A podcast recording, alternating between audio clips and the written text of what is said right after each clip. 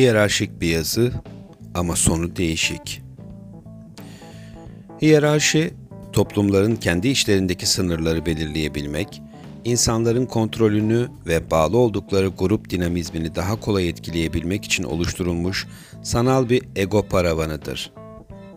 Bu oluşum, insanların birbirine sadece dikey ya da yatay bağlantılarla bağlanabilmesini, başka türlüsünün söz konusu olamayacağını, hatta acaba olabilir mi diye bile kendi kendilerine soramayacağı bir sistemin ürünüdür. Peki böylesi bir toplum kimlerin işine yarar?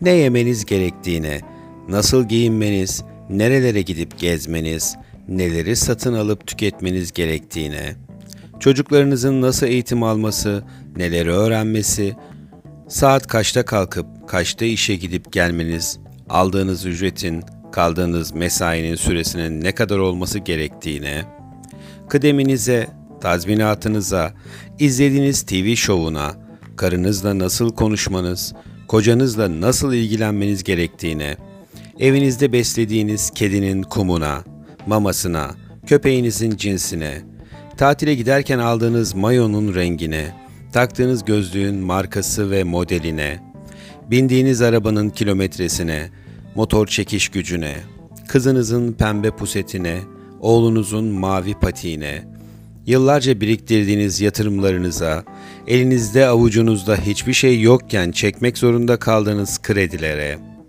tüm bunlara ve daha fazlasına kimler karar veriyorsa onların işine yarıyor.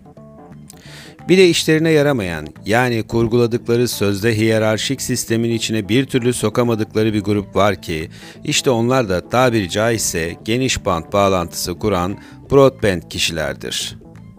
Bu kişilerin karşısında hiyerarşi protokolü diğerleri gibi bir etkiye sahip değildir. Zira hayatlarına giren insanların kendilerine ve yaşantılarına kattıkları anlamlarla ilgilenirler. Herhangi bir gösteriş, herhangi bir statü gösterisi onlar için pek önemli değildir. Neticede her insan doğar, büyür ve nihai hayata kavuşur. Bütün bu benzerlikler hayatı renklendiren en önemli ve yegane gerçektir. Bilindiği gibi broadband kavramı özellikle internetin hayatımıza girmesiyle önem kazandı. Geniş band denilen bu kavramla hem konuşup hem de nette bir şeylere bakılır, hatta download edebilirsiniz.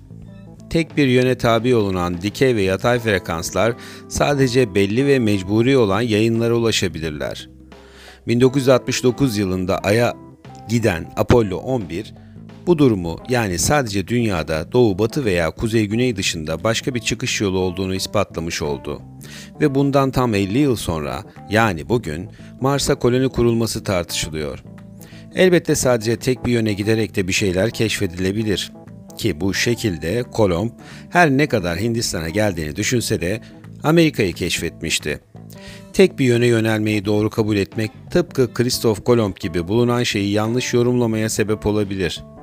Bu yazının konusu olan hiyerarşi kavramına geri dönecek olursak, sözde yaşam sırası alt üst kavramlarını belirleyip alttakinin sınırlarını belirlerken üsttekiler sınırsızlığın verdiği özgürlüklere sahip bir şekilde yaşamaktadır. Böylesi bir düzen ise sadece kontrol amaçlı oluşturulabilir. Alttakinin üstüne belli bir sınır çerçevesinde yaklaşabilmesi için.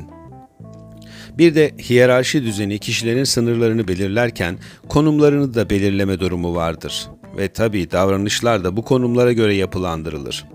Bu durumda kişiler eylemlerini başkalarına göre ayarlayıp kendisi olmaktan uzaklaşır. Peki hiyerarşik düzen denilen bu sistemin yerine başka bir sistem oluşturulabilir mi?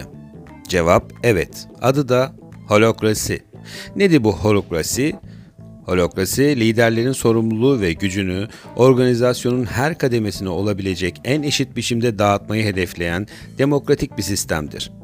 Yani Başta sürekli altta çalışan kişileri denetleyecek bir üst mekanizma yoktur. Bunun yerine kendi uzmanlık alanına göre karar verebilen ve yaptığı işin sorumluluğunu alabilen çalışanlar vardır. Lakin merkezden yönetilen bizim gibi ülkelerde bürokrasinin normalden fazla olması holokrasi sistemine geçişi sanırım biraz zorlaştırıyor. Sistemin artıları olduğu kadar eksileri de yok değil. Ancak eşinin ehli kişiler için sürekli başında birilerinin olmasına da gerek yoktur diye düşünmekteyim. Holokrasinin kişiye öz denetim anlayışı kazandırması oldukça güzel bir fikir. Lakin yanlış yapılan işlerde sorumluluktan da kaçılmaması bağlayıcı. Dünyada birçok özel şirket artık hiyerarşik sistemleri bırakıp holokrasi düzenine geçiyor. Umarım yakın zamanda bütün dünya ülkeleri ve şirketler holokrasi ile tanışıp herkesi kendi uzmanlık alanında çalışması için teşvik eder.